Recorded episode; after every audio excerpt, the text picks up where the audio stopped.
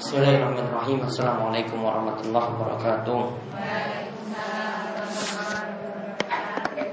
Alhamdulillahirrahmanirrahim Hamdan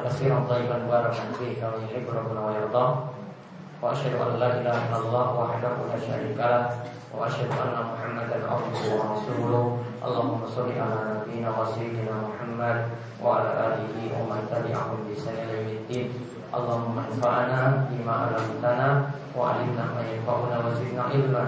Allahumma aslih lana dinana alladhi huwa ismatu amrina wa aslih dunyana allati fiha ma'ashuna wa aslih akhiratana allati fiha ma'aduna wa ja'al al-hayata ziyadatan lana fi kulli khair wa ja'al al-mauta rahatan lana min kulli syarr.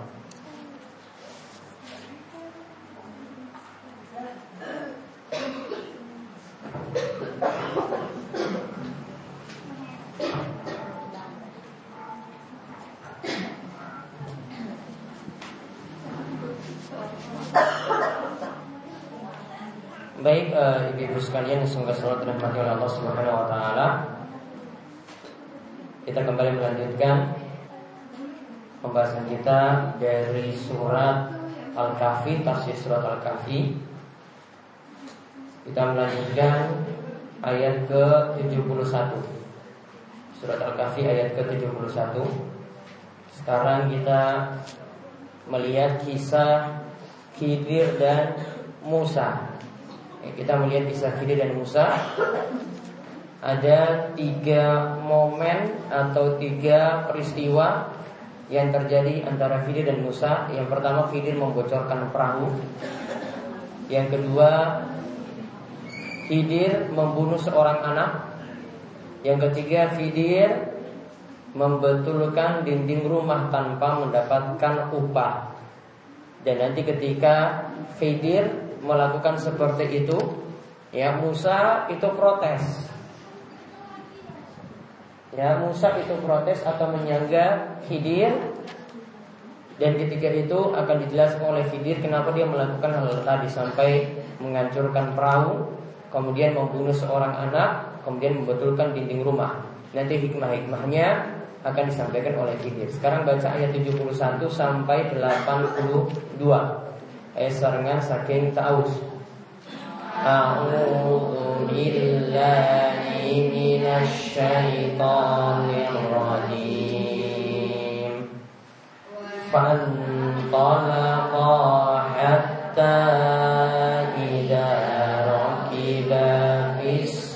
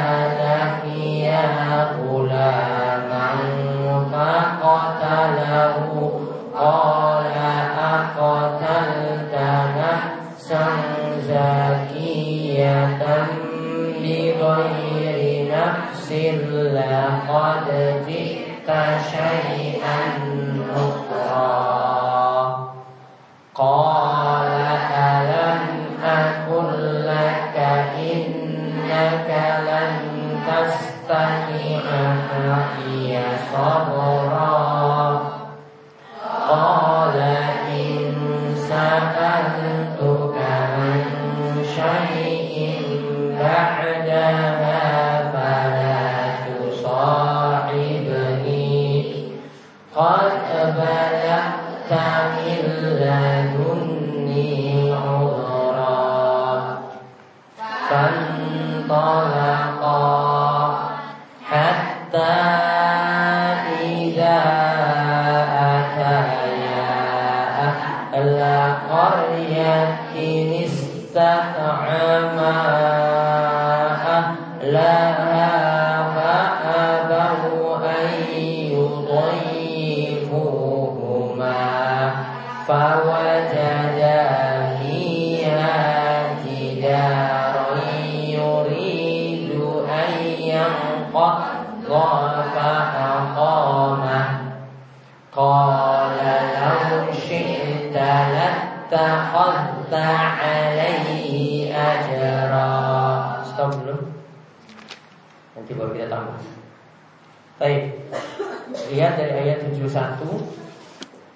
sampai tadi 77. Ini dia diceritakan tiga peristiwa.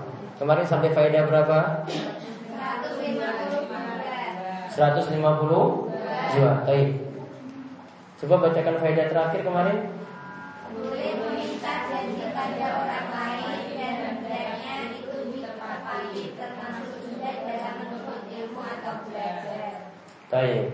Boleh meminta janji pada orang lain dan itu mesti ditepati. Misalnya juga janji ketika akan belajar, pokoknya harus hafalan belum puluh juz, makanya janji ini harus dipenuhi. Baik, kita lihat sekarang catat dulu nanti baru dibacakan nanti. Ayat ke 153.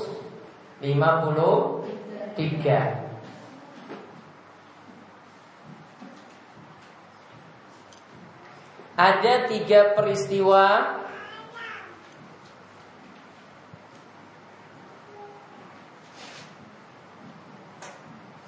Ada tiga peristiwa.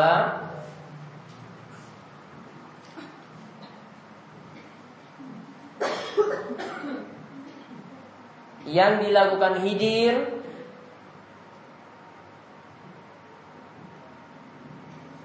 Yang dilakukan hidir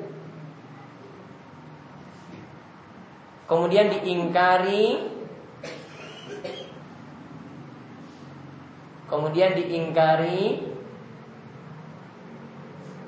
oleh Musa.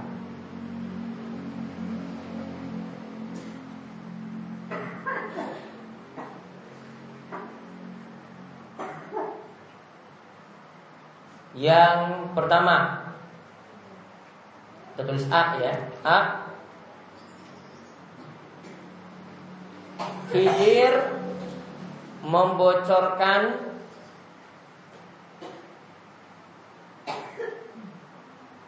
Khidir membocorkan dan menenggelamkan perahu. Khidir membocorkan dan menenggelamkan perahu.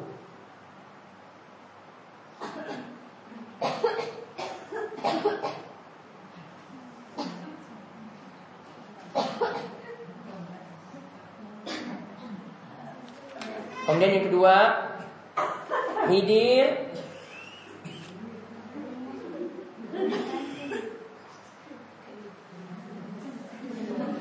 Hidir membunuh seorang bocah.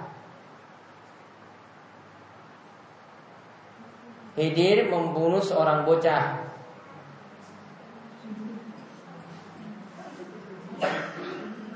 Kemudian yang ketiga Khidir membetulkan dinding rumah.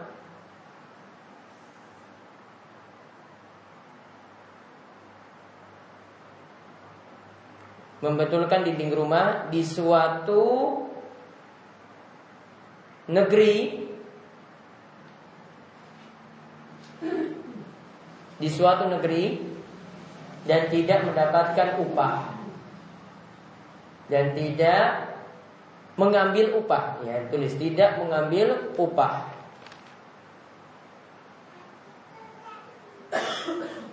Dan ya sekarang kita lihat ayat 71 fantalaqa hatta idza raqiba fis safinati kharaqaha. Qala akharaqataha litughriqa ahlaha laqad ji'ta syai'an imra. Coba bulu ayat 71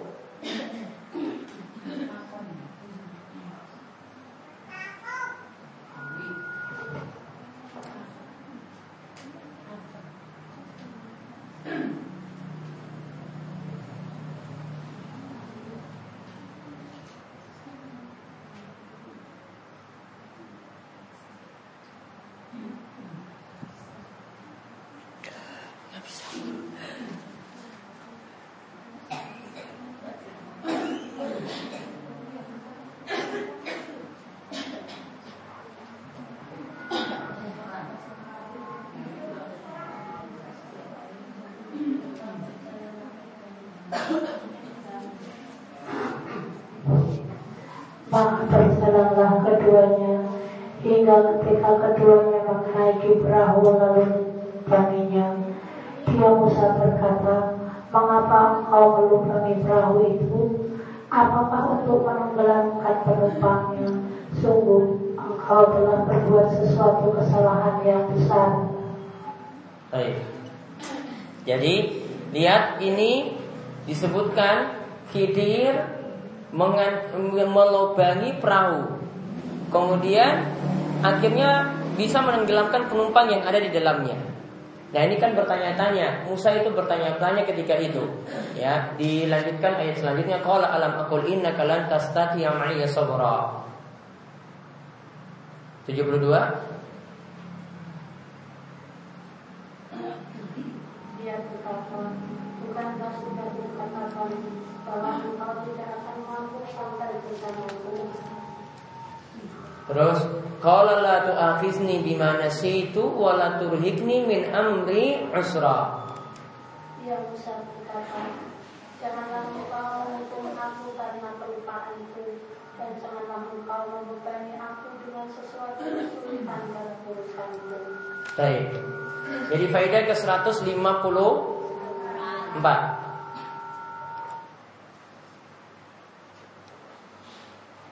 Faedah ke 154. Khidir melubangi dan menghancurkan perahu.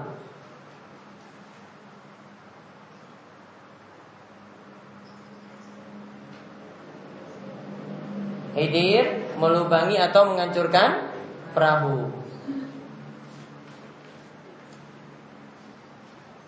Dan hal itu diingkari oleh Musa.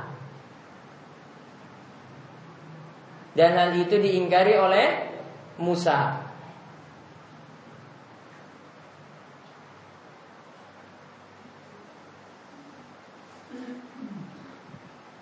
Dan Musa menegur Khidir karena lupa.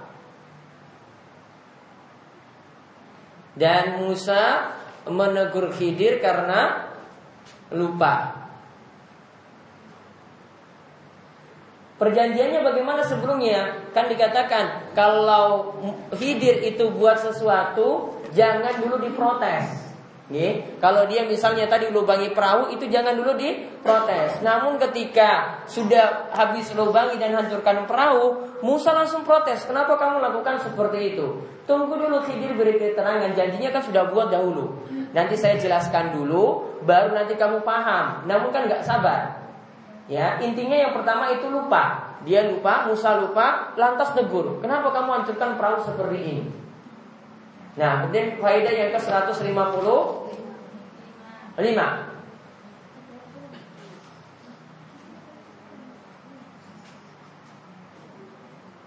Yang namanya kemungkaran Yang namanya kemungkaran Wajib diingkari Yang namanya kemungkaran wajib diingkari. Maka tadi Musa langsung tegur, ini kan perbuatan keliru. Kenapa kamu lakukan seperti itu? Maka demikian juga kalau kita lihat kemungkaran yang lainnya yang kita mampu menegurnya ditegur. Ada misalnya suami telat sholat, maka ditegur ketika itu mbok sholat. Ya, ada ketika itu suami belum bangun-bangun tidur juga, tidur dari subuh sampai asar. Ya, ketika itu ditegur juga. Ini jangan tidur terus seperti itu. Ya. Kira nggak ada puasa itu seperti itu ya. Ada yang tidur dari habis subuh sampai ngasar zuhur itu lupa. Bukan lupa, memang sengaja wong malas kayak kayak gitu. Maka ditegur. Ada yang keliru itu ditegur. Suami punya masalah apa, lagi ditegur ketika itu. Jangan dibiarkan kemungkaran begitu saja. Sama juga dengan anak. Anak lakukan perbuatan keliru jangan dibiarkan. Ketika dia itu sudah balik, sudah dewasa, sudah harus untuk sholat, belum sholat, maka ketika itu diingatkan juga untuk sholat. Jangan dibiarkan. Nah kemudian sekarang Hidir, kisah Hidir membunuh seorang anak. Kita lihat tiga ayat lagi berikutnya.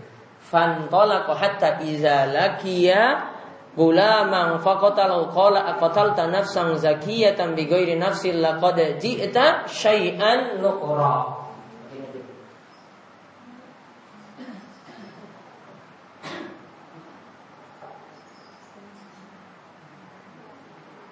Maka berjalanlah keduanya hingga kedua hingga ketika keduanya berjumpa dengan seorang anak muda maka dia membunuhnya.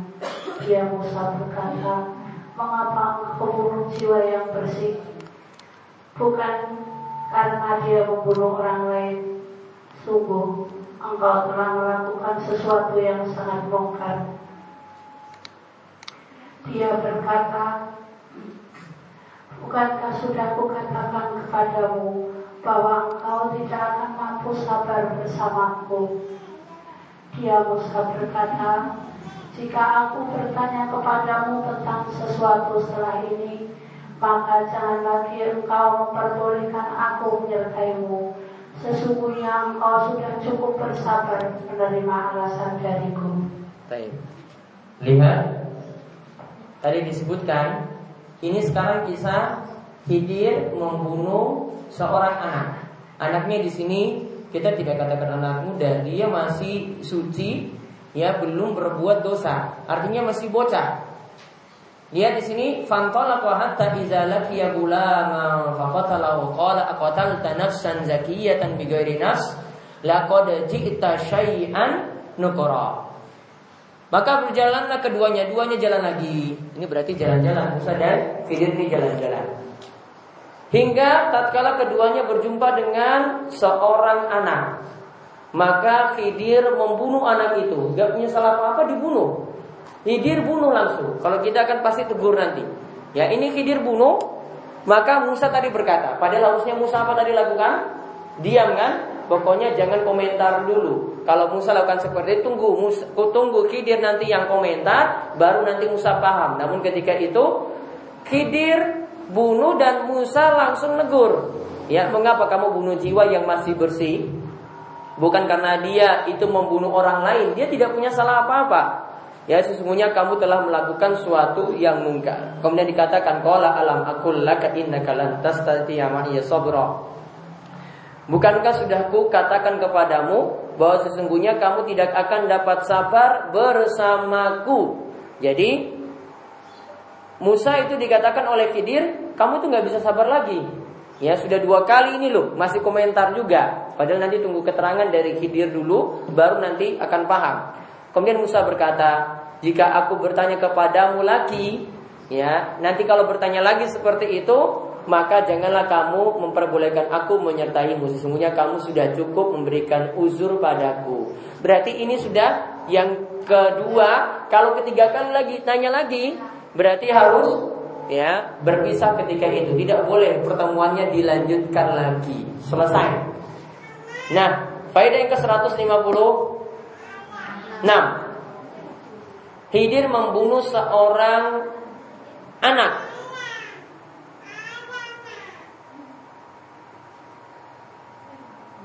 Khidir membunuh seorang anak yang jiwanya masih bersih.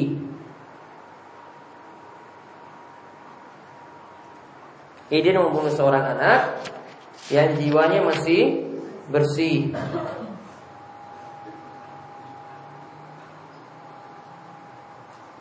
Maksudnya dalam kurung belum berbuat dosa. Belum berbuat dosa.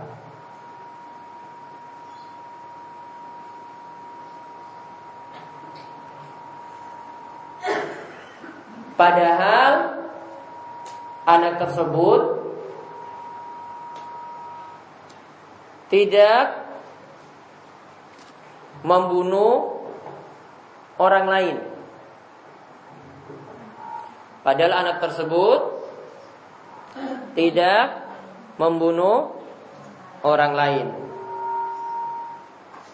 Faedah yang ke 157. Anak kecil asalnya tidak dikenai dosa. anak kecil asalnya tidak dikenai dosa.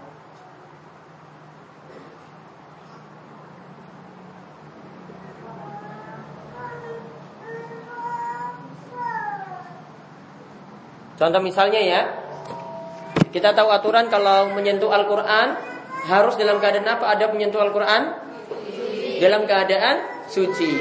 Nabi katakan la yang musul Quran ila tahir. Tidak boleh menyentuh Al-Quran kecuali orang yang suci. Kalau anak kecil pegang Al-Quran ini, dia tidak berwudu tidak masalah.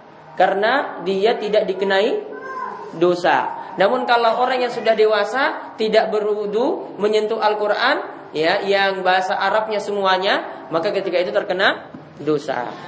Itu bedanya anak kecil sama orang dewasa. Kemudian faedah yang ke-158.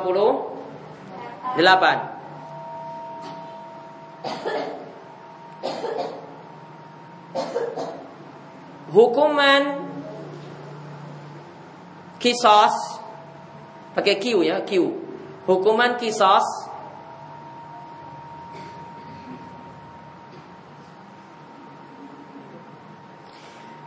dikenakan ketika dikenakan ketika ada yang membunuh orang lain.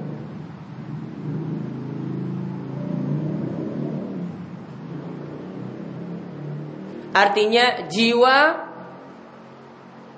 dibalas dengan jiwa. Artinya jiwa dibalas dengan jiwa.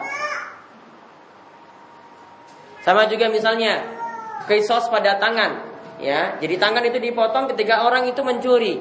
Dia uh, hukumannya seimbang. Dia mencuri maka tangannya itu yang jadi di dipotong ketika itu. Nah, kemudian Nah, sekarang kita lihat Khidir membetulkan dinding rumah. Fantolaku hatta iza ataya ahla qaryatin istata'ama ahlaha fa abaw ayyudayyifuhuma fawajada fiha jidaru yuridu ayyan qadda fa aqama qala law syi'ta latakhasta alaihi ajra. Ya bulubi maka keduanya berjalan hingga ketika keduanya sampai kepada penduduk suatu negeri mereka berdua meminta dijamu oleh penduduknya tapi mereka penduduk negeri itu tidak mau menjamu mereka. Kemudian keduanya mendapatkan dinding rumah yang hampir roboh di negeri itu. Lalu dia menegakkannya. Dia Musa berkata, jika engkau mau, niscaya engkau dapat meminta ibarat untuk itu. Baik. Kita lihat Musa dan Khidir jalan lagi. Ini peristiwa yang ketiga. Kemudian ketika itu harusnya jadi tamu kan dilayani. Mereka datang ke negeri itu jadi tamu, tapi tidak ada yang layani sama sekali. Kemudian ketika mereka lihat ada di negeri itu, di kampung itu ada rumah yang roboh. Maka tanpa disuruh apa-apa, tanpa minta upah, Khidir itu dirikan dinding rumah tersebut. Ya, di Khidir dirikan dinding rumah tersebut. Kemudian Musa katakan, ini katakan terakhir, ya, kenapa engkau tidak ambil upah karena mendirikan bangunan tadi. Berarti kan sudah tiga kali dia ngomong kan? Nah berarti sudah selesai. Selesai I N U N. Ya, di sini langsung dikatakan dalam kisah selanjutnya. Eh coba kita baca ayat 78 sampai 82 sarangan. Qala hadza 1 2 3.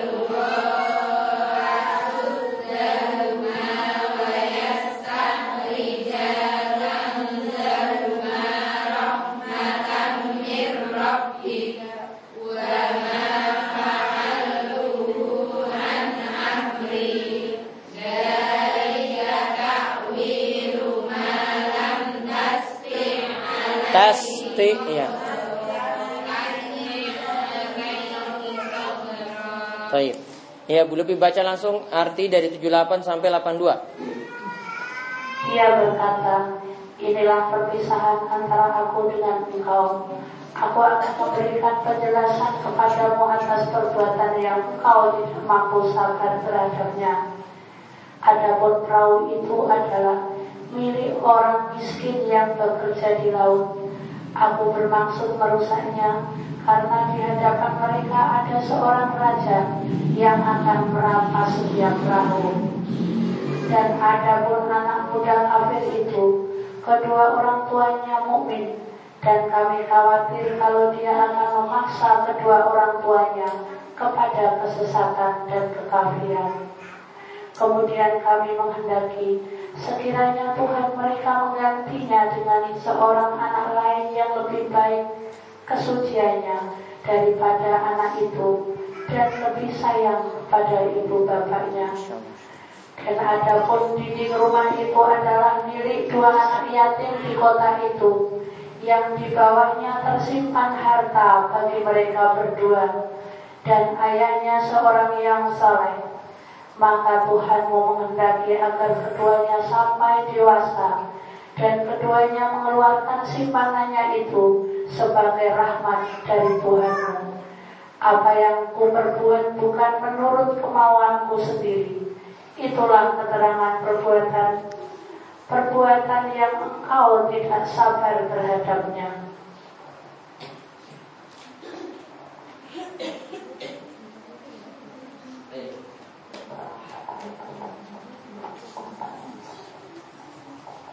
Nah, terjawab sudah. Hikmah-hikmah dari perbuatan Khidir sekarang kita bahas. Tadi sudah tiga kali kan diberi tiga kali kesempatan, diberikan dua kali, dia katakan satu kali lagi coba beri kesempatan. Musa masih ngomong nggak sabar. Maka ketika itu dikatakan, qala hadza firaku baini wa bainik. Sekarang ya perpisahan aku dan kamu. Namun pulang gak usah bilang kata-kata ini pada suami. Hadza firaku baini wa. Ya. Ini sekarang bagi aku dan kamu sudah selesai. Pakai bahasa Arab lagi ambil dari ayat. Ya. Karena suami gak sabar itu Sa'unabdi ukabi ta'wil malam tasati alaihi sabra Kamu gak mau sabar sih ya. Bagus sekali kan kata-kata romantis kan Baik Akhirnya pisah Khidir dan Musa ketika itu karena sudah sampai yang terakhir diberi kesempatan Musa masih juga ngomong ketika itu komentar. Nah sekarang dijelaskan. Ya saya jelaskan dulu baru catat faedah. Adapun perahu yang tadi dibocorkan kemudian akhirnya ditenggelamkan itu dikatakan di sini adalah kepunyaan orang miskin. Jadi ada orang miskin yang punya yang bekerja di laut. Dan Khidir katakan aku bertujuan merusaknya, merusak perahu itu karena nanti kalau perahu ini dibawa pulang, nanti ada raja yang zolim. Raja yang rampas perahu tadi. Mendingan ini dihancurkan, keringan e, kerusakannya lebih ringan daripada nanti ini dirampas oleh raja. Ya sudah dihancurkan ketika itu, biar tidak dirampas oleh raja yang zolim seperti tadi. Ya karena nanti dia merampas banyak-banyak perahu ketika itu. Itu yang pertama untuk perahu. Kemudian yang kedua untuk anak atau bocah tadi, keduanya itu adalah uh, anak itu adalah ya kedua orang tuanya itu orang beriman. Jadi orang tuanya itu baik, anaknya itu nakal. Orang tuanya itu baik, anaknya itu nakal. Dan kami khawatir kalau dia dibiarkan saja, maka nanti bisa membuat orang tuanya ikut sesat dan kafir. Jadi ada anak yang bisa menggeret ibunya dan bapaknya sama-sama sesat. Jadi anak nanti bisa buat pengaruh, dia ngajak orang tuanya juga ikut sesat, ikut kafir. Nah, seperti ini ini suatu bahaya. Maka ketika itu anak ini dibunuh saja. Biar orang tuanya tidak ikut sesat. Ingat lihat, ini ambil keringanan yang lebih kecil. Apa kerusakan yang lebih kecil? Kerusakan yang lebih kecil apa? Anak ini mati. Ada kerusakan yang lebih besar, orang tuanya dua-duanya jadi kafir dan sesat. Ini lebih besar. Makanya dipilih yang lebih ringan di sini kerusakannya. Sama seperti perahu tadi dihancurkan, dipilih kerusakan yang lebih ringan. Nanti saya akan jelaskan dalam faedah. Kemudian ini juga diharapkan nanti supaya Allah ganti anak tadi dengan anak yang lebih baik yang nanti lebih menyayangi orang tua. Jadi dituntut itu anak yang menyayangi orang tua. Berarti di sini menunjukkan juga anak bisa membuat orang tua jadi kafir. Begitu juga nanti istri juga ada yang membuat suaminya juga jadi kafir seperti itu atau sebaliknya suami buat istri jadi kafir juga sama. Adapun dinding rumah tadi yang didirikan maka ini perlu diketahui ini adalah kepunyaan dua orang anak yatim. Ingat ya kalau dikatakan anak yatim yang ditinggal mati bapaknya, ya bukan ibunya. Yang ditinggal mati bapaknya penanggung nafkah. Nah, di bawahnya itu ada harta simpanan, sedangkan ayahnya dulu kedua anak yatim ini ayahnya itu adalah orang yang saleh dan maka Allah mengendaki agar supaya mereka sampai kepada dewasa kedewasaannya nanti sampai dewasa mereka tetap dapat harta tersebut. Oleh karena itu rumahnya tadi didirikan supaya kedua anak ini selamat. Apa alasannya? Dulu kedua orang tuanya adalah anak kedua orang tuanya adalah orang yang soleh. Maka hartanya itu dijaga dan rumahnya didirikan seperti itu. Dan bukanlah aku melakukannya itu kata Khidir. Menurut kemampuanku sendiri ya wa ma fa'altuhu an amri zalika ta'wilu ma lam tastati alaihi sabra. Itulah yang kamu tidak bisa sabar terhadapnya. Sekarang faedah yang ke-159 dari kisah tadi kita bisa simpulkan. 159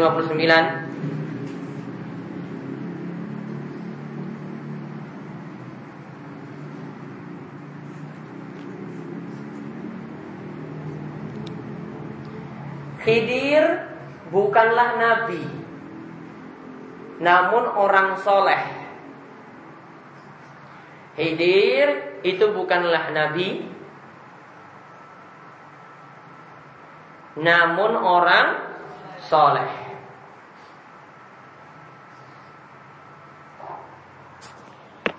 Tulis ya, karena di ayat 65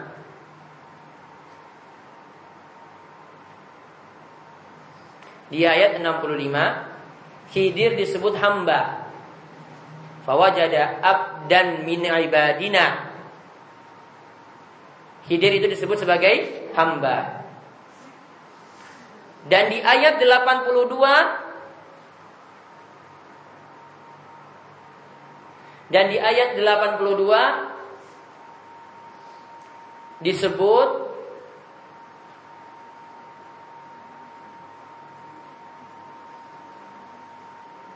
Khidir melakukan hal-hal tadi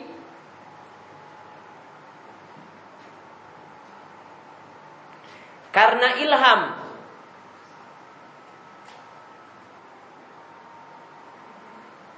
dan bukan karena wahyu.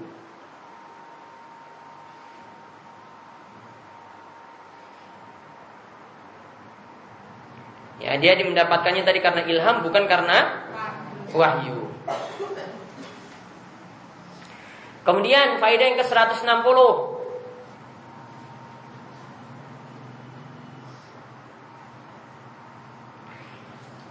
Ilmu itu ada dua macam. Ilmu itu ada dua macam.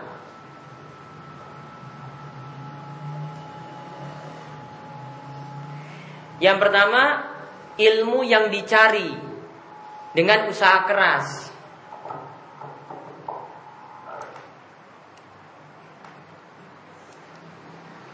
Yang pertama, ilmu yang dicari dengan usaha keras, belajar, menghafal, ya, itu ilmu yang dicari.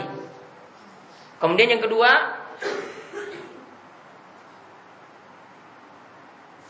ilmu yang Allah karuniakan. Ilmu yang Allah karuniakan pada hamba-hamba pilihan.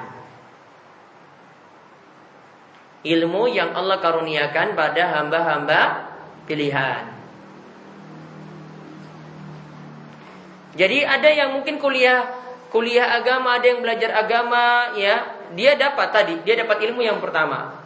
Namun ada yang ketika itu belajar, ya, dia mendapatkan ilmu yang lebih. Ini karunia dari Allah. Ya, dia lebih pakar fikih daripada yang lain. Dia lebih pakar hadis daripada yang lain. Ini adalah karunia mutlak dari Allah yang ini tidak bisa ditempuh oleh orang yang berusaha keras untuk mendapatkannya. Jadi karunia khusus. Makanya ilmu yang kedua ini ditulis. Ya. Ilmu yang kedua ini disebut ilmu laduni. Ilmu yang kedua ini disebut ilmu laduni.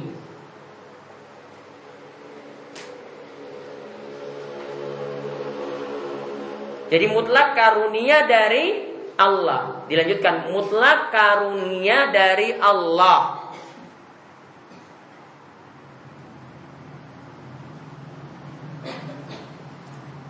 Nah, titik. Saya ceritakan dulu. Ada pemahaman yang lain, ada ilmu laduni yang dianggap ilmu laduni itu tanpa lewat wahyu. Jadi langsung Allah beri Ya, ini yang diyakini oleh orang-orang sufi. Mereka katakan bahwasanya kami ini dapat ilmu laduni. Jadi cara sholatnya seperti ini, ya. Kemudian cara puasanya seperti ini. Ilmunya dari mana? Pokoknya dari ilmu laduni. Begitu juga ada yang mungkin di sebagian tempat punya cara-cara puasa sendiri. Mereka bukan melihat hilal, bukan dengan cara yang Rasulullah SAW tetapkan untuk memulai puasa, namun dapat dari wangsit dari sesuatu yang tidak jelas. Kadang dengan melihat keadaan di laut. Ya, di sebagian tempat lagi punya cara yang lainnya. Masing-masing itu punya macam eh, cara-cara sendiri yang ini tidak ada dasar atau tuntunannya. Bahkan ada yang dapat wasiat puasa cukup tiga hari. Ya, ini kalau di kampung saya di Ambon sana, mereka itu puasa hari pertama itu puasa, hari kedua puasa, hari ketiga sudah selesai ya puasa tiga hari saja puasa tiga hari. Mereka cuma puasa tiga hari. Setelah itu sampai hari terakhir tidak puasa. Nanti lebaran bareng-bareng. Seperti itu. Ini ilmu laduni namanya ilmu laduni sesat. Ya, tidak pakai petunjuk. Dan nanti cara sholatnya juga beda. Jadi kalau mereka sholat Jumat itu pergi ke masjid. Ini kalau ke masjid adat pergi ke masjid itu nggak boleh ada yang ngajak ngobrol. Dia jalan lurus saja nggak boleh tengok-tengok sana sini. Nggak boleh lihat ke belakang juga. Jalan lurus terus sampai ke masjid. Masjidnya juga baru diisi ketika hari Jumat. Sholat lima waktu nggak ada. Sama hari raya Idul Fitri. Baik. Kemudian hadis uh, kemudian faedah yang ke-161.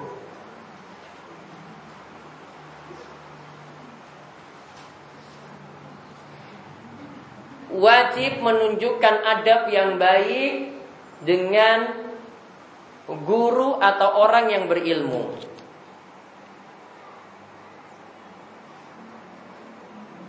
Wajib menunjukkan adab yang baik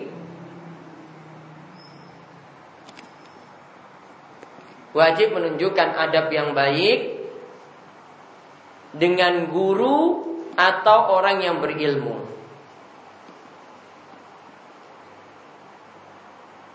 Lihat kata-kata lembut dari Musa ketika minta ilmu dari Khidir. Dia katakan seperti ini.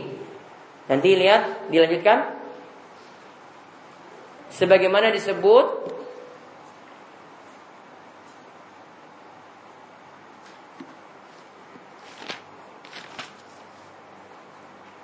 pada ayat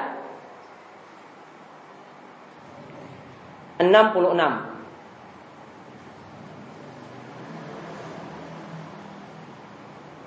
Dia katakan hal attabi'uka ala an tu'allimani mimma ulimta rusda.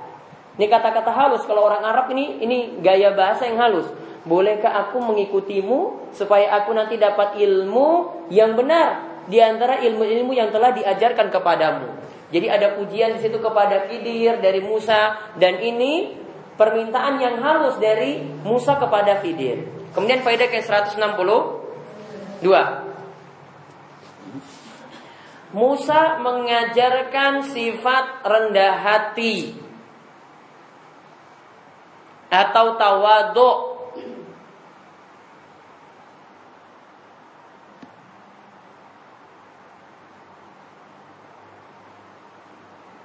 Karena Musa yang seorang nabi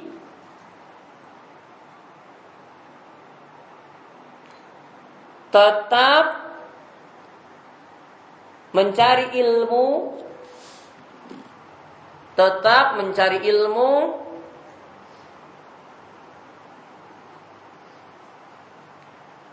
dari orang yang berada di bawahnya. Tetap mencari ilmu dari orang yang berada di bawahnya.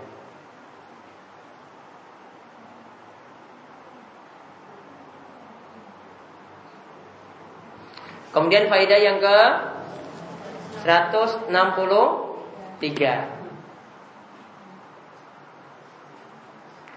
Orang yang berilmu tetap harus belajar.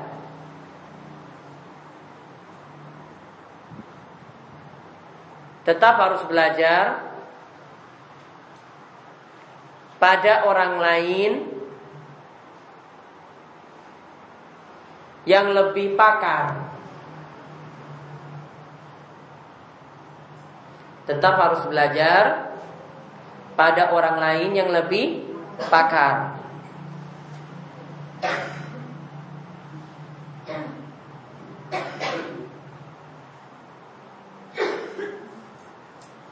Di sini misalnya disebutkan oleh Syekh Asa di sini nggak usah dicatat. La yang bagi lil faqih al muhaddis idza kana qasiran fi ilmin nahwi aw sarfi aw nahwihi min al ulum alla yata'allamahu mimman mahrum fihi wa ilam yakun muhaddisan wala faqihan. Maka sudah sepatutnya atau tidak selayaknya seorang fakih ada orang yang pakar fikih atau pakar hadis padahal dia kurang dalam ilmu nahwu.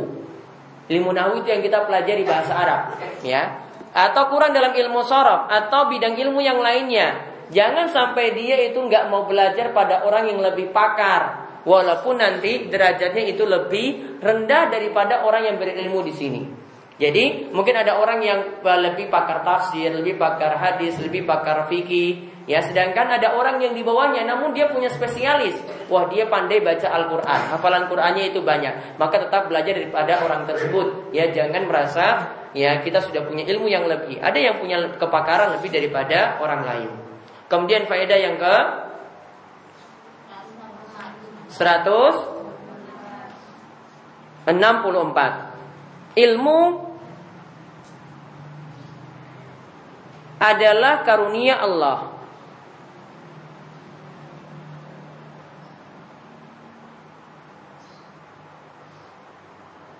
Ilmu itu adalah karunia Allah. Ini diambil dari ayat 66. Ini diambil dari ayat 66. Itu dikatakan tu'allimani mimma ulimta rusda. Ya. Di mana ajarkanlah kepadaku ilmu yang diajarkan kepadamu Ya diajarkan kepadamu dari siapa? Dari Allah. Allah ajarkan kepadamu. Ilmu itu tolong diajarkan kepadaku. Kata Musa seperti itu. Kemudian faedah yang ke 160 165. Ilmu yang bermanfaat adalah ilmu yang mengantarkan kepada kebaikan.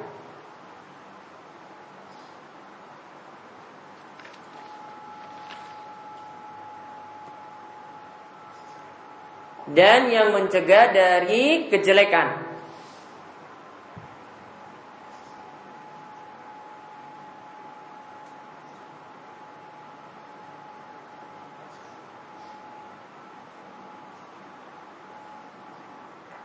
Jadi ini ilmu yang bermanfaat seperti itu. Berarti kalau ada ilmu yang tidak mengantarkan kita kepada kebaikan, ya atau tidak mencegah kita dari kemungkaran, berarti itu bukan ilmu yang bermanfaat. Ilmu yang bermanfaat selalu buat orang jadi baik, imannya bertambah, amalannya bertambah, ibadahnya itu bertambah. Kalau buat orang jadi jelek, malah dia berbuat syirik, malah berbuat maksiat, maka ini bukan ilmu yang bermanfaat. Kemudian faedah yang berikutnya. Yang ke 166. Orang yang tidak sabar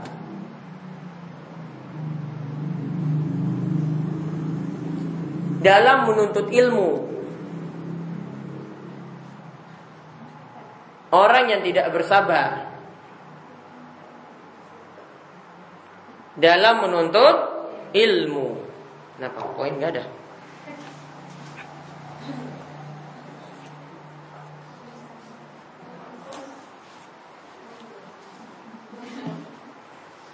Nah, orang yang tidak bersabar dalam menuntut ilmu dari seorang ulama.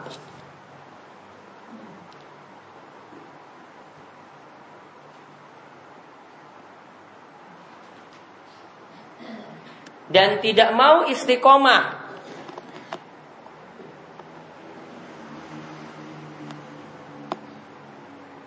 dan tidak mau istiqomah. Tadi lihat Musa tadi berapa kali dia tidak sabar sampai tiga tiga kali. Akhirnya dapat ilmu nggak setelah itu? Tidak dapat lagi. Seandainya dia mau sabar, nanti ada peristiwa yang lainnya lagi yang ketika itu Musa bisa dapat ilmu. Namun cuma berhenti sampai di situ. Ya. Maka tadi apa? Diulang?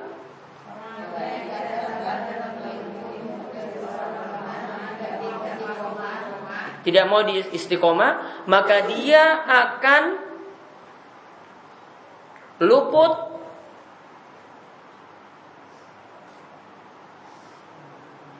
dari ilmu yang banyak.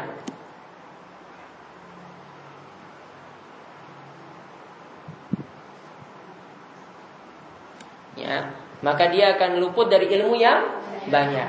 Maka kalau orang itu kalau mau belajar itu harus konsisten dari awal sampai akhir. Coba lihat tafsir Al-Kahfi ada yang tulis dari faedah nomor 1 sampai 160 sekian rutin. Nah, itu kalau rutin dari awal sampai akhir dia dapat faedah yang banyak. Namun kalau cuma bolong-bolong ya, nanti cuma dapat separuh, separuh, separuh, separuh.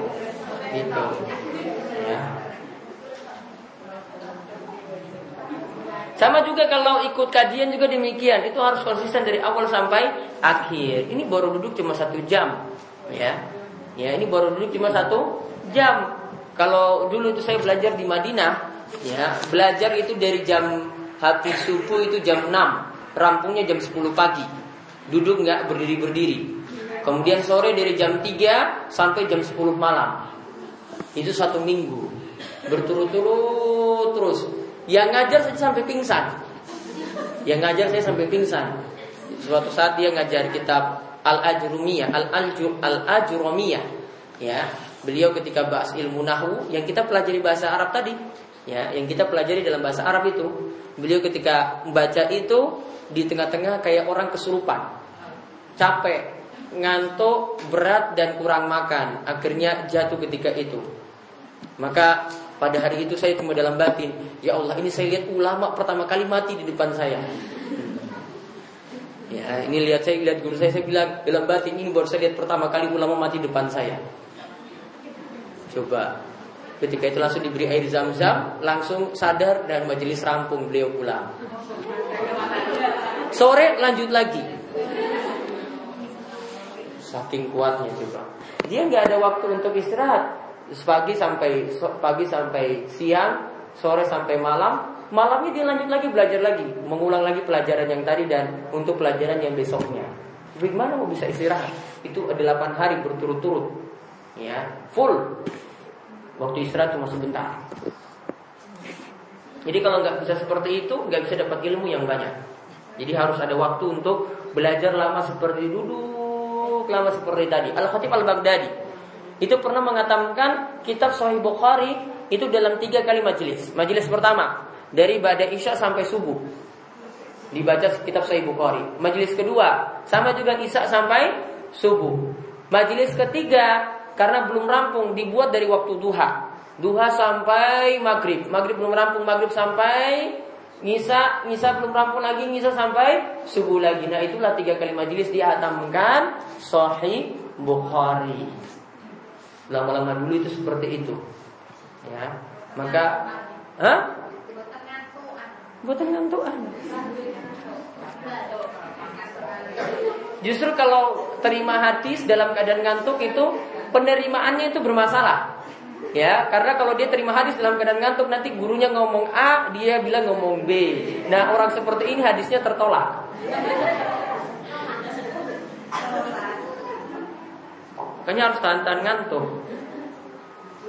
Orang Arab tuh sampai waktu majelis yang tadi saya cerita di Madinah itu, kan gurunya baca kitab. Saking kakinya nggak bisa selonjor karena rapat-rapat duduknya. Jadi dia berdiri terus dia pegang kitabnya begini. Dia lihat gurunya ngomong gitu. Sambil berdiri loh. Saking semangatnya itu. Jadi kalau sudah pernah ketemu dengan orang-orang yang aneh seperti itu, baru tahu kita itu kurangnya seperti apa.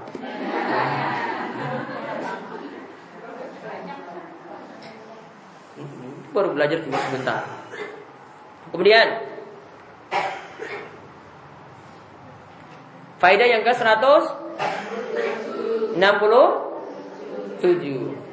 Ingat ya jihad-jihad Nabi SAW itu kebanyakan yang perang-perang beliau. Beliau itu lakukan di bulan Ramadan. Pada dalam keadaan yang berat Tetap juga pergi berjihad. Di bulan Ramadan itu kebanyakan perang-perang beliau Itu dilakukan di bulan itu. Ya, dan suatu saat saya ceritakan beberapa perang itu, itu terjadi pada bulan Ramadan. Berarti bulan Ramadan itu perjuangannya keras, belajar pun juga harus keras, nahan ngantuk juga ketika itu. Pahalanya double nanti.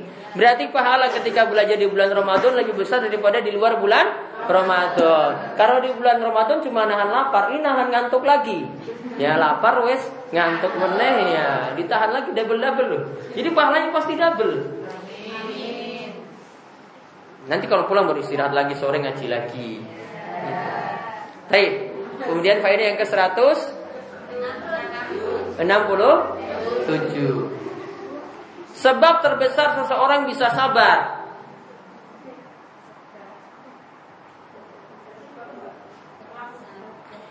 Sebab seseorang bisa sabar. Sebab apa? Terbesar seseorang bisa sabar. Sebagaimana nanti disebut dalam ayat tadi yang kita bahas, wa tasbiru ala ma lam tuhid bi khubra. Bagaimana engkau bisa sabar ya pada ilmu yang tidak engkau punya pengetahuan di dalamnya? Dan bagaimana kamu dapat sabar atas sesuatu yang kamu belum mempunyai pengetahuan yang cukup tentang hal itu? Maka di sini kita lihat ya, tadi coba dilanjutkan sebab terbesar untuk sabar adalah belum. Sebab terbesar untuk sabar adalah dengan ilmu atau banyak belajar.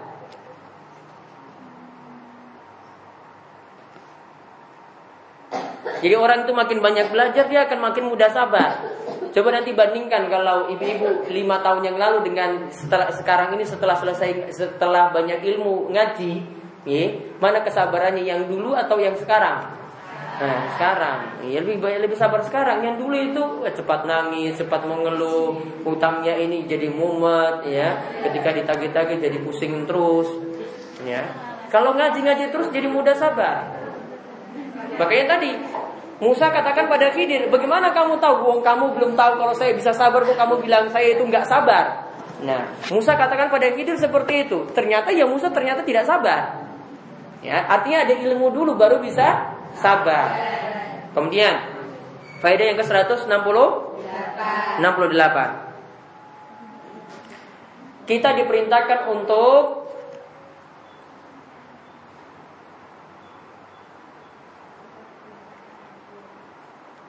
Kita diperintahkan untuk tidak mudah-mudahan dalam menghukumi sesuatu. Tidak mudah-mudahan menghukumi sesuatu sampai dapat ilmu atau bukti.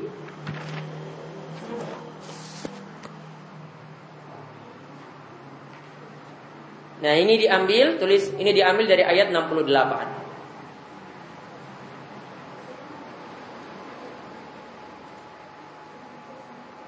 Lihat tadi Khidir katakan eh, Musa katakan pada Khidir, "Wa kaifa tasbiru ala ma lam tuhid bi khubra?" Bagaimana kamu tahu kalau saya tidak sabar sedangkan kamu belum tahu? Berarti di sini menunjukkan bahwasanya kalau menghukumi orang tidak sabar harus dapat bu bukti. Jangan hukumi orang itu mudah-mudahan seperti itu. Begitu juga kalau bilang, "Wah, kamu itu ria." Ada yang bisa buktikan orang itu ria? Tidak ada, karena ria itu amalan hati, niatannya tidak ikhlas itu adalah amalan hati. Harus ada bukti dulu. Dia itu tidak ikhlasnya itu bagaimana. Jadi jangan mudah hukumi orang sampai dapat bukti. Kemudian faedah yang ke-100 69.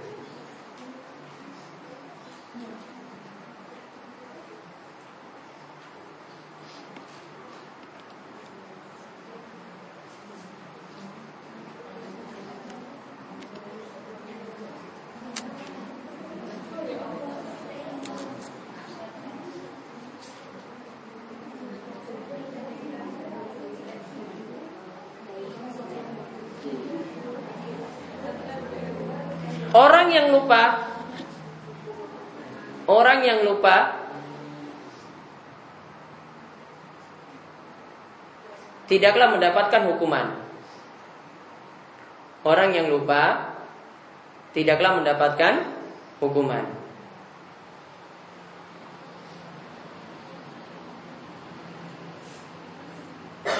Seperti pada ayat di sini la tu'akhidni bima nasitu. Sebagaimana pada ayat tulis, sebagaimana pada ayat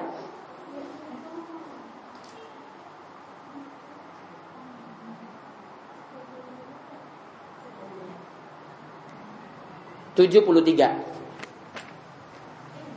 Seperti pada ayat sebagaimana pada ayat 73. Yang tadi katakan la tu'akhizni bima nasitu. Janganlah engkau hukum aku wahai Hidir karena aku itu lu lupa. Sebagaimana juga yang kita sudah bahas dalam surat Al-Baqarah ayat 287 la tu'akhizna in nasina au akhtana. Janganlah hukum kami ya Allah ketika kami itu lupa atau ketika kami keliru. Contohnya misalnya orang yang lupa ketika puasa pada hari pertama biasanya sarapan pagi jam 7 ya datang ke pawon kemudian sudah sarapan sudah kenyang cuci piring, baru kelingan tadi puasa. Maka ketika melakukannya dalam keadaan lupa apa? Tidak kena hukuman. Puasanya boleh dilanjutkan. Ya, puasanya boleh di, dilanjutkan. Namun kalau di tengah-tengah dia bilang nanggung, ya berarti puasanya jadi. Nah itu saja yang kita bahas. Nanti sisanya kita bahas pada pertemuan berikut insya Allah. Selesai. Ini baru ya kisah-kisah awal.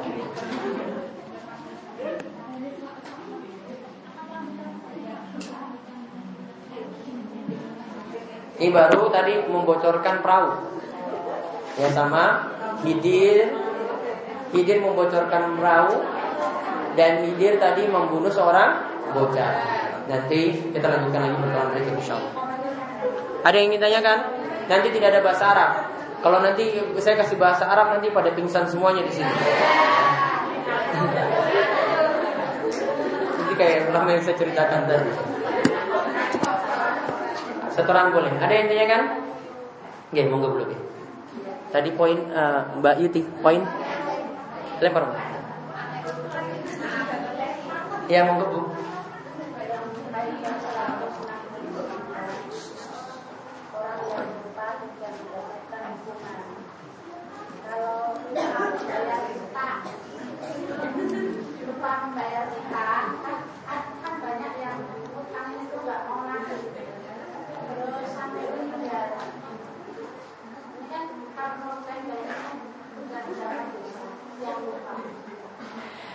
Ada sesuatu yang lupa yang perbuatannya jadi gugur.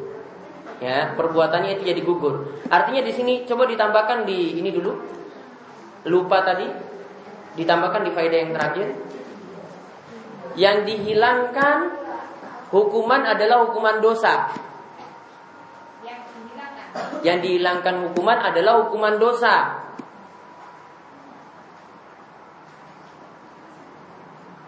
Yang dihilangkan hukuman adalah hukuman dosa. Dan bisa jadi amalannya tetap ditunaikan. Dan bisa jadi amalannya tetap ditunaikan. Titik. Jadi tadi, contoh, dia makan kan ketika puasa, lupa. Dihukumi dosa nggak dia makan? Dia dihukumi dosa atau tidak? Tidak. Puasanya boleh lanjut. Orang juga dalam keadaan lupa sholat. Ini sudah masuk asar, dia sibuk ngegal terus, perasaannya itu sudah sholat. Namun dalam keadaan lupa sampai asar diundur sampai maghrib. Ketika dia kerjakan asar di waktu maghrib bagaimana? Apakah lupa atau tidak? Lupa tadi, dia lakukan lupa. Kena dosa atau tidak? Tidak kena dosa. Namun sholatnya tetap dilakukan ketika itu. Perbuatannya tidak gugur. Ya, namun cuma tidak kena dosa saja ketika itu. Berarti kalau orang lupa bayar utang, ya dia tidak kena dosa karena lupanya. Namun tetap utangnya wajib dibayar. Kalau sudah mati, resikonya nanti diambil amalannya sebagai pelunasan utang. Karena tidak ada lagi dinar atau dirham, tidak lagi ada rupiah di hari kiamat. Ada lagi ilham.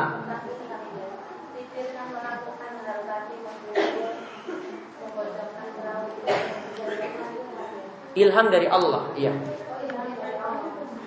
Nah, dia bukan wahyu. Kalau wahyu itu ada ada seperti dari Jibril, nanti ada kitab ketika itu, ya. Sebagaimana para nabi dapatkan. Kalau ihdir tidak. Ya, hidir tidak, dia dapat ilham. Ilham itu bisa jadi dari mimpi, bisa jadi dari macam-macam dia dapat. Ya, artinya bukan seperti jalannya para nabi yang dapat lewat malaikat atau lewat kitab. Dibenarkan karena ketika itu tidak diingkari oleh Musa. Jalan sekarang yang masalah siapa yang benarkan ilham tadi? Jadi misalnya dia mimpi, oh biar utang itu lunas, kata ini malaikat tadi bisikan saya dalam mimpi, mau zikir la ilallah seribu kali dalam sehari. Boleh nggak diamalkan? Tidak boleh. Karena dia tidak bisa membenarkan. Ini siapa yang membenarkan mimpinya coba? Kalau dulu ada, ada orang lapor kepada Nabi, wahai Nabi saya dapat seperti ini dalam mimpi. Ini benar atau tidak? Bisa kan? Namun kalau sekarang tidak mungkin. Maka mimpi atau ilham saat ini tidak boleh diamalkan kecuali ada wahyu, ada dalil baru boleh diamalkan. Dalilnya berarti bandingkan dengan Al-Quran dan hadis. Ada nggak benar seperti itu? Jadi zaman sekarang berarti tidak boleh amalkan mimpi, tidak boleh amalkan ilham seperti tadi. Karena kita punya wahyu. Kita bukan sebagai nabi lagi, posisinya bukan sebagai nabi lagi sekarang. Namun harus ada wahyu untuk membenarkan apa yang kita ada, membenarkan apa yang kita lakukan. Kalau tidak ada, maka tidak boleh.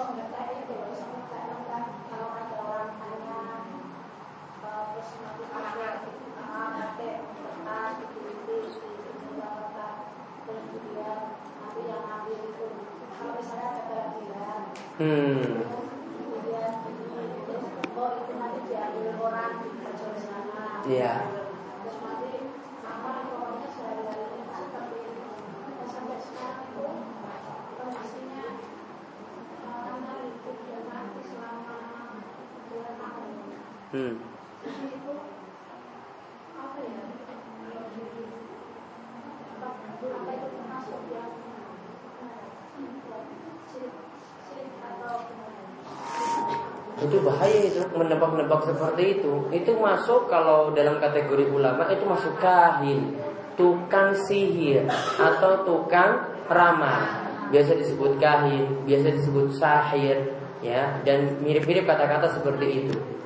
Jadi menebak sesuatu yang akan datang atau sesuatu yang jadi masih ilmu gaib cuma jadi kekhususan Allah. Ini berarti melangkahi hak Allah yang mengetahui ilmu gaib pada Allah katakan la ya'lamul ghaiba illallah. La ya'lamu man fis samawati wa fil ard al ghaiba illallah. Tidak ada yang mengetahui di langit maupun di bumi perkara gaib kecuali Allah. Berarti kalau dia mengetahui perkara-perkara semacam tadi, dia melangkahi hak Allah. Berarti dia syirik dalam hal ini.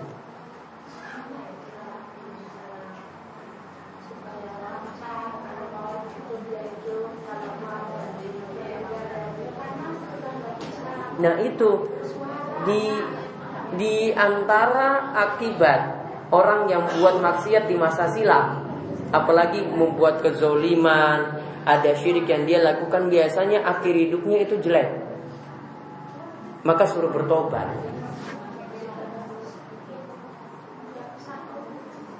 Karena sudah gak bisa dengar lagi gitu Gak bisa ngomong lagi Ibadah lagi gak bisa Sholat juga gak bisa?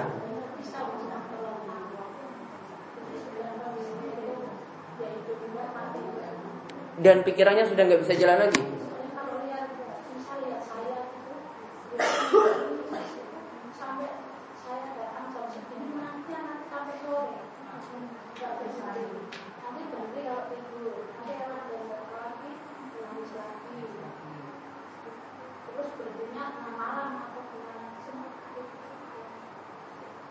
Kalau dia bisa diajak ngobrol dan ketika itu bisa dinasihati coba dulu. Dinasihati kemudian suruh ibadah. Dengan isyarat pun nggak bisa. Isyarat, isyarat. Dia kalau kita dia ngomong gitu masih nangkap nggak? Nangkap. Senang, susah itu nangis.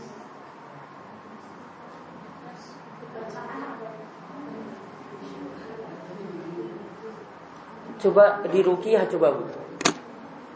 Di rukiah. Iya. Mau ayat kursi berulang-ulang atau al-ikhlas hafalan anas al-fatihah. Dengan jumlah yang terserah. Ya, coba di rukiah. Siapa tahu punya pengaruh. Mudah-mudahan punya pengaruh. Ada lagi? Iya. Ketika sholat lupa bacaan surat-surat pendek setelah Al-Fatihah Lupa bacaan surat-surat pendek secara Al-Fatihah. Boleh dia lanjutkan sholat tidak ada sujud sahwi, tidak ada apa-apa karena surat pendek setelah Al-Fatihah hukumnya sunnah. Boleh ganti surat yang lain atau melanjutkan surat yang lupa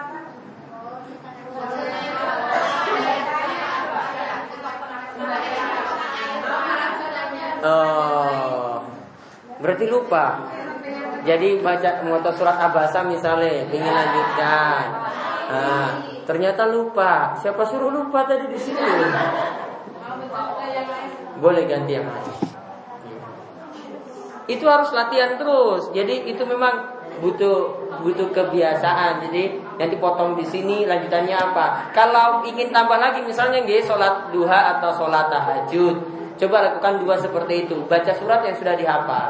Nanti kalau yang surat ini lupa, nanti ulang lagi ke dua rokat berikutnya lagi, baca lagi yang sama. Ingin, ingin lanjutkan, nanti buka Al-Quran dulu biar diingat.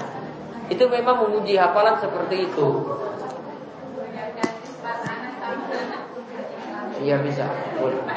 Ada lagi.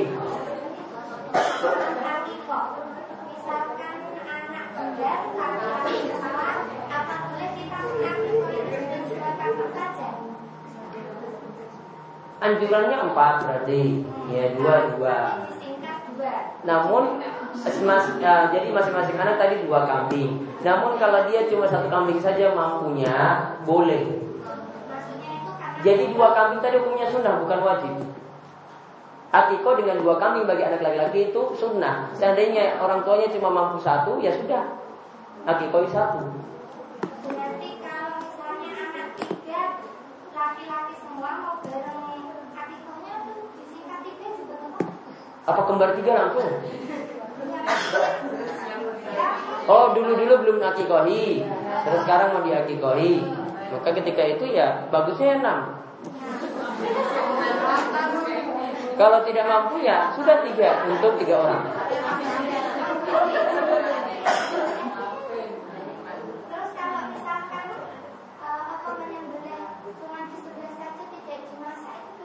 Boleh dibagi daging boleh tapi yang lebih bagus dalam bentuk masakan.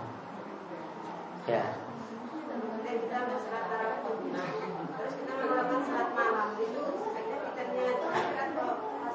Berarti lakukan sholat tarawih di rumah. Berarti ibu sendiri di rumah. Kemudian mau tahajud lagi. Ya sudah, kalau lakukan sendiri tidak bersama imam berarti tahajud nanti baru tutup witir. Namun kalau bersama imam, tetap rampungkan dulu bersama imam baru nanti tahajudnya tanpa witir lagi. Ada lagi bulan? Ya.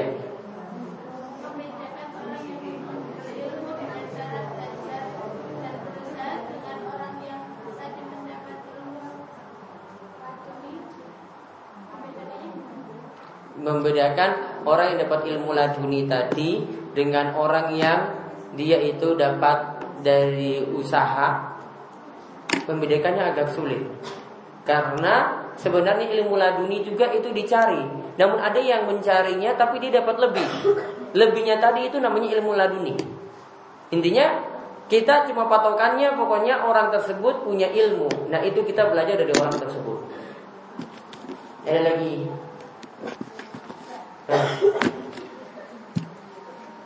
Saya cerita kalau kelas waktu jadi buka itu menunjukkan hadis tapi bacanya imam itu al-fatihahnya satu nafas. Uh, tarawih berarti. Iya, baca al-fatihah itu cuma satu ayat. Dia cerita ayatnya cuma baikul ikun badati hadianto. Nah itu lebih baik karena sama teman imam ini. Kalau ayat karena dibagi.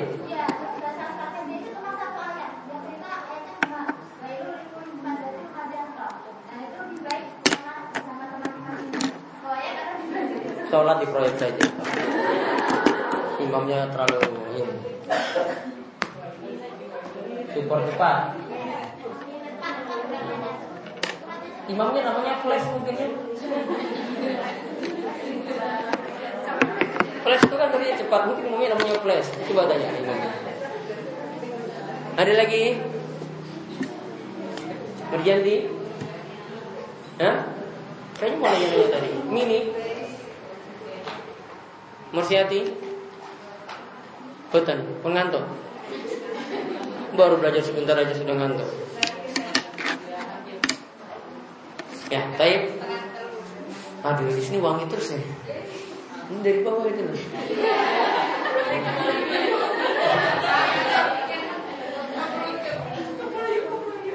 Ya. Demikian kita tutup kalian doa kafaratul majelis. Monggo. Subhanakallahumma bihamdika asyhadu an la ilaha illa anta astaghfiruka wa atubu ilaik. Assalamualaikum warahmatullahi wabarakatuh.